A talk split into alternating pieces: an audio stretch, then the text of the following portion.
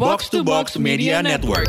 Kita tahun lalu udah PSBB terus kayak udah something banget ya kita di rumah kayak gitu. Terus aku nggak ngerasa bahwa tahun depannya kita akan kembali ke situasi yang sama. Karena habis PSBB kan oke kita habis itu udah udah liburan, ada yang Iya. udah oh masih udah udah ada show-show. Terus tiba-tiba sekarang kita balik lagi ke PPKM. Wow. Dan bahkan lebih parah. Membayangkan Kenapa? diskusi orang-orang yang kita kasih nama apa lagi ya ini ya gitu kegiatan.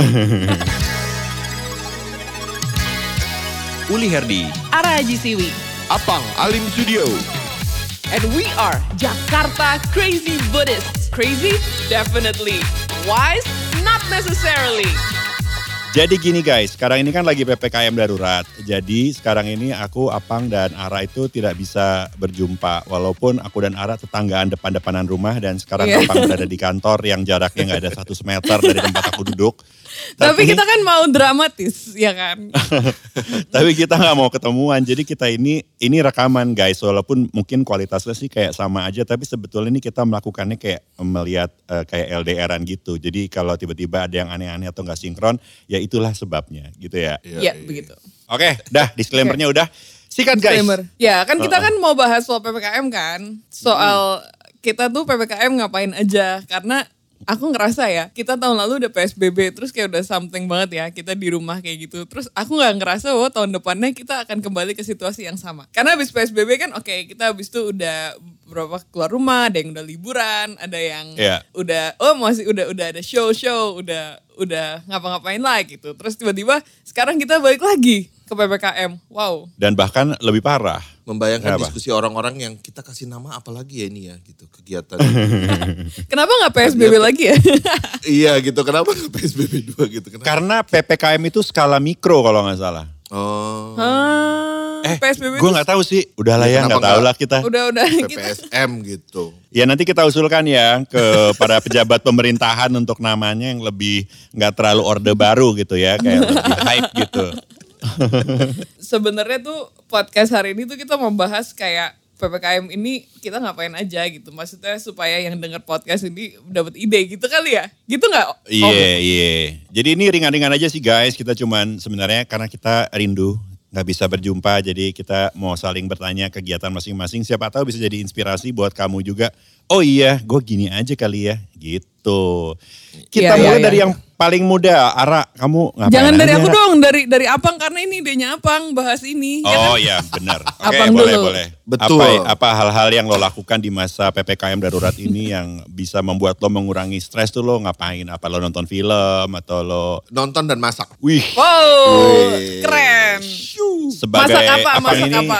Apang ini chef guys. Dia chef eh, sebuah grup namanya Kuli Kuliner. Wih. Wes, dan sudah menjuarai beberapa lomba masak Pertandingan. tingkat nasional. Iya. Tingkat tingkat nasional cabang RT ya guys. Sig- signifikansi menunya adalah eh, stick stick apa ya, Li? Stick sambal matah. Stick sambal mata itu Iya, iya. signifikansi. Itu juara. Itu juara Juara. juara, satu Indonesia. Oke. Eh, keren. Iya, iya. Jadi jadi kegiatan lo nonton sama masak. Ada rekomendasi Fusion tontonan ya. apa nih bu, buat teman-teman kita yang lagi dengerin supaya mereka wah gue ppkm darurat di rumah aja gue nonton apa ya gitu. Kalau mau nonton yang seru-seru buat ini meningkatkan gairah adalah Nak- Naked Director. Naked Director tentang apa tuh? oh, tentang Setauku tuh Iya. abang tuh selalu nonton hal-hal yang berbau porno, ya kan? nggak selalu tapi mostly ya. Oke. Oke, Naked Director tuh tentang apa, Bang? Naked Director tuh tentang itu loh bisnis pornografi di Jepang. Gila gue kebayang, maksudnya dulu SMP, SMA gitu nyari bokep Jepang gitu kan kayak yang harus nyolong-nyolong, terus kayak yang dapet pun susah banget gitu. Oh, oh, oh, Tiba-tiba sekarang kayak, nih bisnisnya kayak begini di depan mata gitu, gampang banget ngeliatnya. Jadi Naked Director ini tentang seorang sutradara film porno di Jepang gitu ya. Iya eh. Yang Dan komedi. bagus, ada ceritanya juga, ada ceritanya juga. Jadi memang kayak kayak ya gimana pornografi di mata orang Jepang ya gitu. Oh, oh, oh. Reviewnya sih bagus ya kayaknya ya di Netflix kan. Iya, eh, ada dua season tuh, ada dua season. Ah, tapi aku lebih suka season pertama sih waktu dia awal-awal mulai mulai merintis bisnisnya itu gitu. Ternyata kan Dia- perkembangan itu dari kesombongan dia gitu. Sekarang udah menceritakan apa? iya, iya. Sekarang Oh. jadi kayak dia kepingin lebih lebih lebih. Jadi kayak gritnya tuh makin eh, Keserakahannya. keserakahannya makin terpacu gitu karena dia kepingin Oh. jadi kayak tayangan satelit gitu film-film Wih, bokepnya di. dia. Oh. Jadi si uh, sutradara film bokep ini ceritanya kalau nggak salah di season pertama ketemu dengan seorang bintang nih cewek ini yang kemudian jadi starnya dia kalau nggak salah ya. Dan si cewek ini tuh punya ciri khas bulu keteknya lebat. Oh Iya, gitu. ternyata itu seksi, Ra. Ternyata itu seksi. Menurut kamu Da- begitu daya- juga Bang? Aku enggak sih, enggak terlalu aku. Aku kayaknya masih yuh gitu kalau cewek keteknya lebat banget. Tapi ternyata itu buat selling point buat buat pemain bokep itu gila. Dan Oke. uh adegan-adegannya mantap. Apa tuh? Kenapa? Apa, mantap tuh apa? maksudnya? mantap tuh maksudnya apa? Mantap tuh. Penulisannya iya, bagus, estetik ya. atau- Oh, oh, oh, oh. Ini rancu nih kita dengernya nih. Ya bener-bener dikasih lihat gimana cara pembuatan filmnya gitu. Sensor gitu atau maksudnya mantap nih karena hardcore atau gimana nih? Mantap karena hardcore. Waduh, ga- gawat. Apang nih kayak Gawat agak ya obses sama sama seks gitu ya. Iya. Enggak, tapi kan dulu gue pernah dibilang gini loh, maksudnya ketika kita masih belum tahu tentang bokep yang masih nyolong-nyolong gitu, kan sering dibilang gini, udahlah itu kan bokep doang gitu, itu nggak real gitu. Jadi Uh-uh. selama ini kita berpikir bahwa gila orang bisa sekuat itu ya, bisa selama itu kayak gitu-gitu, terus kan ya kadang jadi kayak minder sendiri gitu kan. Terus ternyata itu Uh-uh. kan bokep. Nah sekarang baru kelihatan emang begitu gitu, memang itu pembuatan film aja gimana cara mereka ngedit apa segala macem. Oh, wah kalau Oh. gitu ya, kalau ngomongin soal rekomendasi film tentang porn industry, gue juga punya rekomendasi nih. Tentang porn industry Ini, juga. iya benar. Hmm. Ini dap, ini dapatnya dari bokapnya Ara, Mas Rusdi. Wow. Wow, Oke, keren dari banget my, judulnya. my daddy. From Your Judul. Daddy. Judulnya kalau nggak salah The Juice. Juice-nya D E U C E. Kayak Oh, kayak iya, iya, kalau iya. main tenis De- terus rata apa Juice. Uh, seri. itu bagus. Itu bag- uh, aku sih suka banget. Udah, udah nonton. Maggie udah Gyllenhaal, nonton juga? Maggie Iya. Gyllenhaal. Maggie benar Maggie Gyllenhaal itu Maggie kakaknya Gyllenhaal. Jake Gyllenhaal. Tapi dia mainnya bagus banget di situ. Dia mainnya bagus banget. Udah gitu film itu tuh uh, ini banget ya, X-rated gitu ya, yang benar-benar yang ada frontal nudity gitu-gitu. Iya, iya. Oh. Cuman cuman dia dark banget sih. Dia cerita mengenai porn industry, terus ya efeknya, terus cerita gimana banyak yang terus pada ngedrugs, terus indi, ah, jangan deh, ntar spoiler ya. Tadi gue baru mau cerita endingnya, soalnya tragis gitu, ya, tragis banget. Tapi uh, it's a good series sih. Kamu belum nonton, Ra? Belum. Aku tuh kalau serial Tapi ending ya, tragis itu juga, Naked Director juga endingnya tragis. Uh, Jangan spoiler. dong. Oke. Enggak dong. Ini yang Iya. ke- yang se- season 2 ya? Lu udah habis ya? Iya, maksudnya enggak ini facts gitu tentang orang-orang kerja di porn industry itu selalu berakhir begitu apa gimana kali ya? Eh, belum tentu. Karena kemarin gue baru nonton interview si salah satu porn actress dari Jepang, Maria Ozawa, tau gak? Oh iya tahu. Gue pernah ketemu. Nggak Li. tahu deh. Kan dia, yang bener loh anjir. Yo, eh. Jadi dia, pernah. jadi Maria Ozawa itu tuh salah satu porn actress yang bisa bilang cukup beda gitu. Karena kalau nggak salah dia tuh IQ-nya tinggi banget. Oh, oke. sih. Iya dia yang kayak super genius gitu. Terus yang dia kayak dia terdaftar di kan ada tuh organisasi orang-orang yang IQ-nya tinggi banget namanya Mensa kalau nggak salah. Nah dia tuh tergabung di Mensa juga gitu. Jadi memang orang itu emang apa ya dia emang avanturir aja sih memang dia just wanna explore things. Nah sekarang dia tuh udah rebranding, dia udah nggak porn lagi. Sekarang dia tuh jadi gamers dan dia streaming Oh. Twitch-nya itu tuh gede gede banget followersnya tuh banyak banget. Game apa om? Aku nggak aku nggak tahu. Aku nonton interview dia di salah satu youtuber Jepang yang bisa bahasa Indonesia. Interview si Maria Ozawa ini seru juga sih orangnya benar-benar yang agak nerdy geek gitu sebenarnya. Iya malah Oh, pendiam oke. banget pas ketemu. Maksudnya tipikal kayak yang Temu di mana bang? Kamu ngapain ketemu, di, dia? ya Bang? ketemu karena Mario Ozawa tuh Di, pernah main di. Malam Basa, di Malam Basador ya lagi nyari DVD ya. Enggak. Dia tuh pernah main di film di Maxima waktu gua masih nulis film-film Oh. komedi komedi gitu kan komedi-komedi Oh, yang oke. gitu Berbau-bau porno. salah satu eh, eh, nggak berbau porno lah Ber- berbau apa ya yang lebih halus gitu Apa?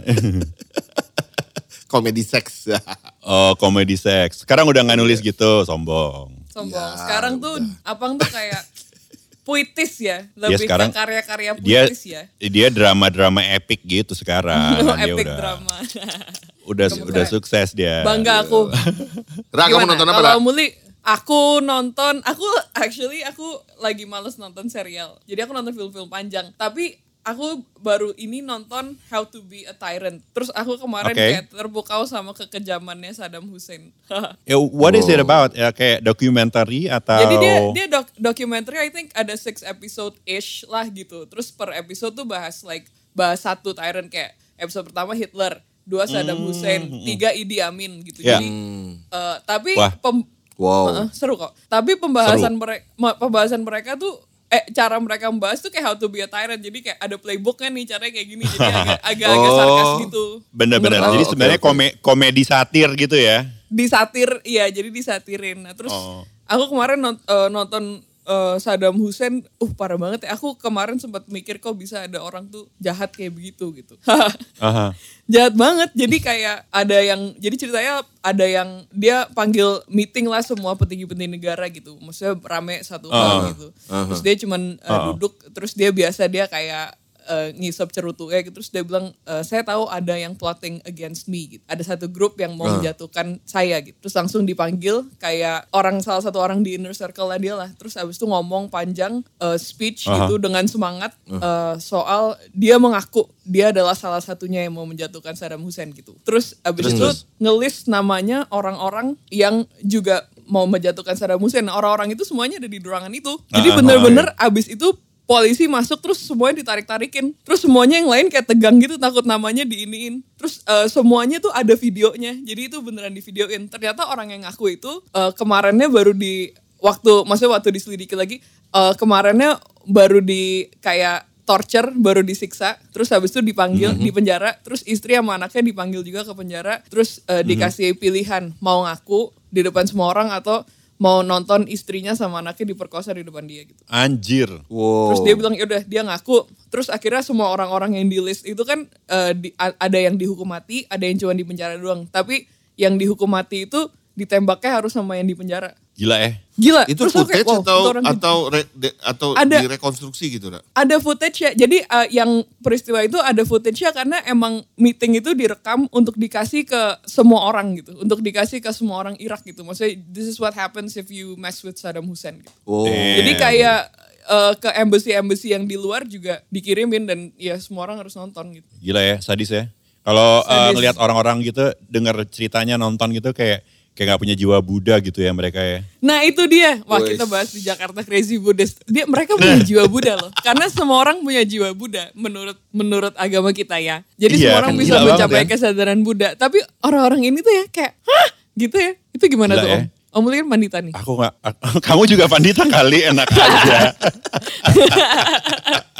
eh kalau pandita-panditaan yang pandita utama kan Alim Studio. Iya, nah Pak Alim gimana Pak Alim? Oh, oh. Jiwa Buddha diktator gitu gimana Pak Alim? Mungkin ada kata-kata apa gitu. Ya semua ketutup sama itu hawa nafsunya. Cie. Wes gila. Wow, wow, wow.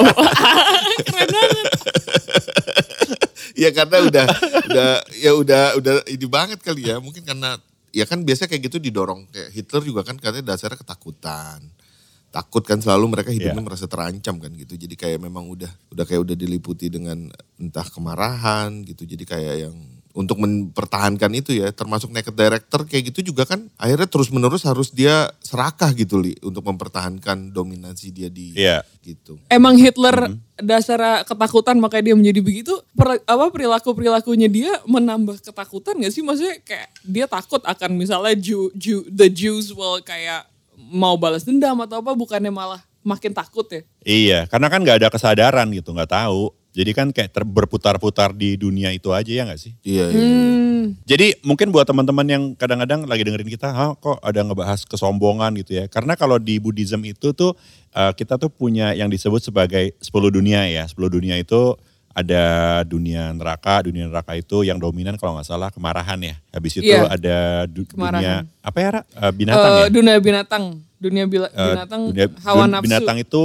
makan, hawa nafsu, tidur, seks. makan tidur males gitu kan. Iya. Kayak binatang, terus ada Keserakahan. kayak ya ada mac- ada macam-macam deh, ada keserakahan, ada kesombongan. Itu Ada tuh yang kayak empat dunia uh, buruk. itu empat dunia buruk. Nah, itu yang melandasi semua manusia sih sehingga mereka kadang melakukan hal-hal yang yang enggak gitu ya. Tapi walaupun si para diktator ini jahat-jahat, uh, lucunya mereka tetap punya jiwa Buddha ya. Iya, mereka tuh punya jiwa Iya. Buddha. Sebenarnya ketemu jodoh misalnya kayak tiba-tiba ya sering kali kan kayak kasus gitu tiba-tiba ditangkep atau tiba-tiba sebenarnya kita ketipu gitu itu justru kadang kurnia kan karena kita jadi kayaknya ada yang kayak ada yang membuat kita jadi kayak itu karena lu serakah gitu. Jadi kayak ada warning gitu loh. Aku merasa ya para diktator itu mereka merasa mereka menyelamatkan negaranya dan dengan melakukan hal-hal itu gitu. Kayak Hitler mungkin emang benci sama Yahudi gitu. Tapi mereka nggak bisa lihat secara besar bahwa emang misalnya kekalahan Jerman tuh bukan salahnya Yahudi gitu. Nge- tapi kayak mereka ngerasa Hitler emang ngerasa kalau mere- mereka membuang Yahudi ini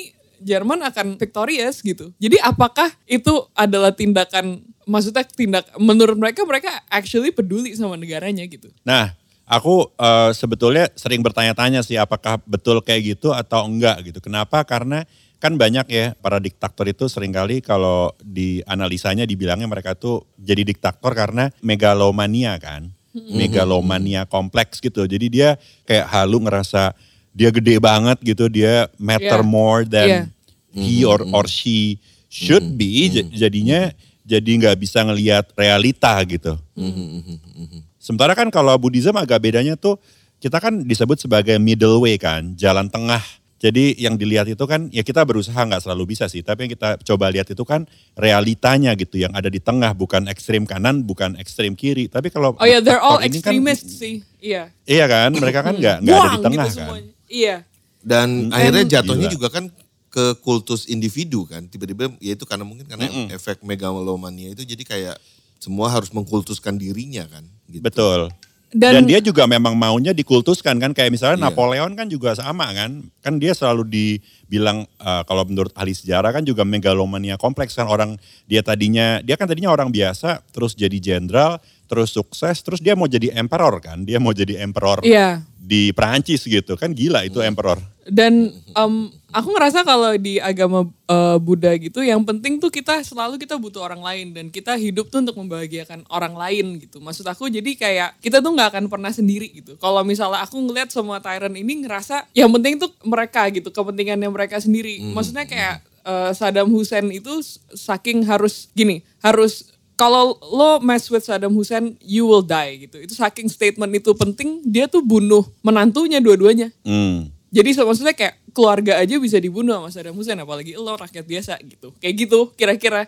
Tapi berarti kan yang penting menurut dia adalah dia sendiri. Jadi menurut aku endingnya akan kesepian gitu loh. Makanya mungkin Hitler bisa bunuh diri gitu. Iya dan rata-rata kan para ketakutan. diktator atau tyrant itu kan selalu kalau kita lihat di sejarah endingnya kan banyak kan tragis ya entah Tragis banget entah, ya. eh, entah di kudeta entah dibunuh atau paling nggak dia dikucilkan kan di exile dibuang ke pulau atau ke negara lain atau kan selalu kayak gitu kan ceritanya kan Itu Apa? iya, Julius Caesar dibunuh sama inner circle dia sendiri atau kayak dengan close friends dia sendiri atau Iya. aku nggak tahu si Pablo Escobar mah bukan diktator ya, salah deh.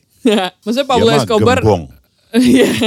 Kalau nonton eh, film dan serial kan juga kayak megalomania gitu kan, kelihatan Iya. perkembangannya dari dari masih cupu terus lama-lama jadi gede-gede-gede terus tiba-tiba jadi kayak ngerasa dia udah kayak Tuhan gitu kan. Iya. Dan rata-rata selalu Iya sih, ada ini mungkin ya, kita- masa lalu mereka ya. Kayak ada Iya, iya, iya. Iya.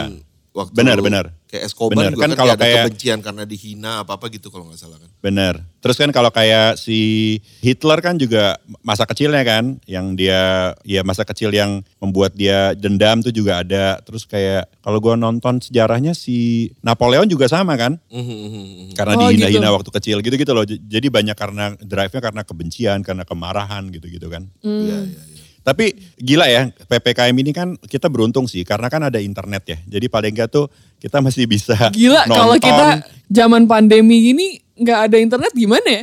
Wah, Waduh, Waduh. pasti lebih gila lagi sih. Cuman yang seru adalah ketika kita lagi di rumah aja ini sebenarnya kan kesempatan teman-teman tuh banyak banget buat untuk lihat YouTube gitu ya. Misalnya Iya, iya. tiba-tiba lo punya minat tertentu, you can istilahnya go down the rabbit hole gitu loh. Lo bisa kayak ya lo cari aja apa yang lo mau cari tahu segala macam di internet tuh juga ada dan kayaknya cukup banyak juga teman-teman yang akhirnya ketemu minat-minat dan dapat Iya. pengetahuan baru karena karena kan nggak ngapa-ngapain ya. Jadi akhirnya Mungkin juga perlu tuh teman-teman OTT kalau kayak arah gitu jadi nonton film dokumenter juga banyak banget choice pilihan-pilihan yang menarik banget. Iya. Kayak nonton yang Iya. Seperti? apa dokumenter itu loh yang Indonesia bisa menggelapkan wine itu yang menipu satu dunia itu. Oh, itu seru banget gue nonton juga. Aku nggak Yang nonton, apa ada orang dia ada itu di mana tuh ya? Jadi dia Di kayak kalau di nggak salah di, Eh, di- kita nyebut di mall ya. di- nggak apa nggak apa-apa. Siapa tahu bisa sponsor. Oke. Di Jadi itu ceritanya kalau nggak salah eh, o- orang Indonesia dia di Amerika kalau nggak salah ya dia di Iya. Amerika. Terus dia gaul banget gitu. Terus semua orang tuh bingung gitu karena orang ini tuh berhasil ngedrive harga wine jadi naik gara-gara tiap kali dia ke pelelangan wine tuh kayak semuanya dibeli sama dia sehingga harganya naik naik naik naik naik. Terus orang bingung gitu tiap kali ngumpul sama dia dia punya wine yang luar biasa lah ya yang langka yang aneh-aneh. Nggak taunya di- dipasuin cuy. Rudi Kurniawan namanya gila. Canggih banget. Gokil itu ceritanya gokil sih. oke. Om Muli gimana Seru, selama seru, seru. PPKM? Aku kalau nonton tuh, aku lagi nonton ada satu channel YouTube namanya Oversimplified. Jadi Oversimplified ini Aku juga seorang suka nonton. YouTuber, dia, oh kamu nonton juga Oversimplified? Iya, oversimplified Tentang sama apa itu? infographic show. Gimana gimana Om? Oh itu gob itu goblok banget sih karena si oversimplify aku sampai akhirnya googling kan oversimplified ini siapa sih jadi ternyata dia youtuber uh, I think he's still young like uh, 20 something gitu ya. Dia orang Irish American jadi dia mix antara Irlandia sama Amerika tinggal di Amerika. Terus uh, dia kayaknya kerja di industri film. Kebetulan dia tuh bisa bikin animasi. Jadi dia bikin animasi-animasi dan animasi itu goblok banget gitu. Kayak yang banyak komedi-komedinya. Terus kayak dia me-oversimplifikasi mengenai perang. Jadi dia ngebahas mengenai perang dunia satu, perang dunia dua, dia ngebahas mengenai perang eh, Napoleon, dia ngebahas mengenai Hitler, tapi dikemas itu sangat lucu dan menghibur gitu. banget. Tapi lo jadi jadi simple, lo jadi ngerti. Oh ternyata eh, perang dunia satu tuh cerita awalnya tuh kayak gini gitu ya. Oh ternyata negara-negara di dunia itu tuh kadang-kadang para kepala negaranya tuh kelakuannya kayak anak SD ya, kayak kacau gitu loh, kayak simply Iya. karena ego doang gitu. Akhirnya jadi perang yang korbannya banyak itu gila banget sih. Cuman menarik karena begitu loh kayak eh, mulai banyak dapat pengetahuan tentang itu kan kayak gambaran global ya, gambaran dunia gitu kan, gambaran negara-negara gitu ya. Eh, Lama-lama lo jadi lebih bisa mengerti kenapa banyak hal terjadi gitu karena lo bisa ngelihat kayak the bigger picture itu ternyata kayak apa sih dan itu dengan oversimplified jadi nggak boring gitu. Terus gue mikir andaikan dulu waktu kita sekolah ya guru-guru tuh ada teknik mengajar kayak gini seru banget ya. Iya bener. Oh, tapi susah sih itu kayaknya.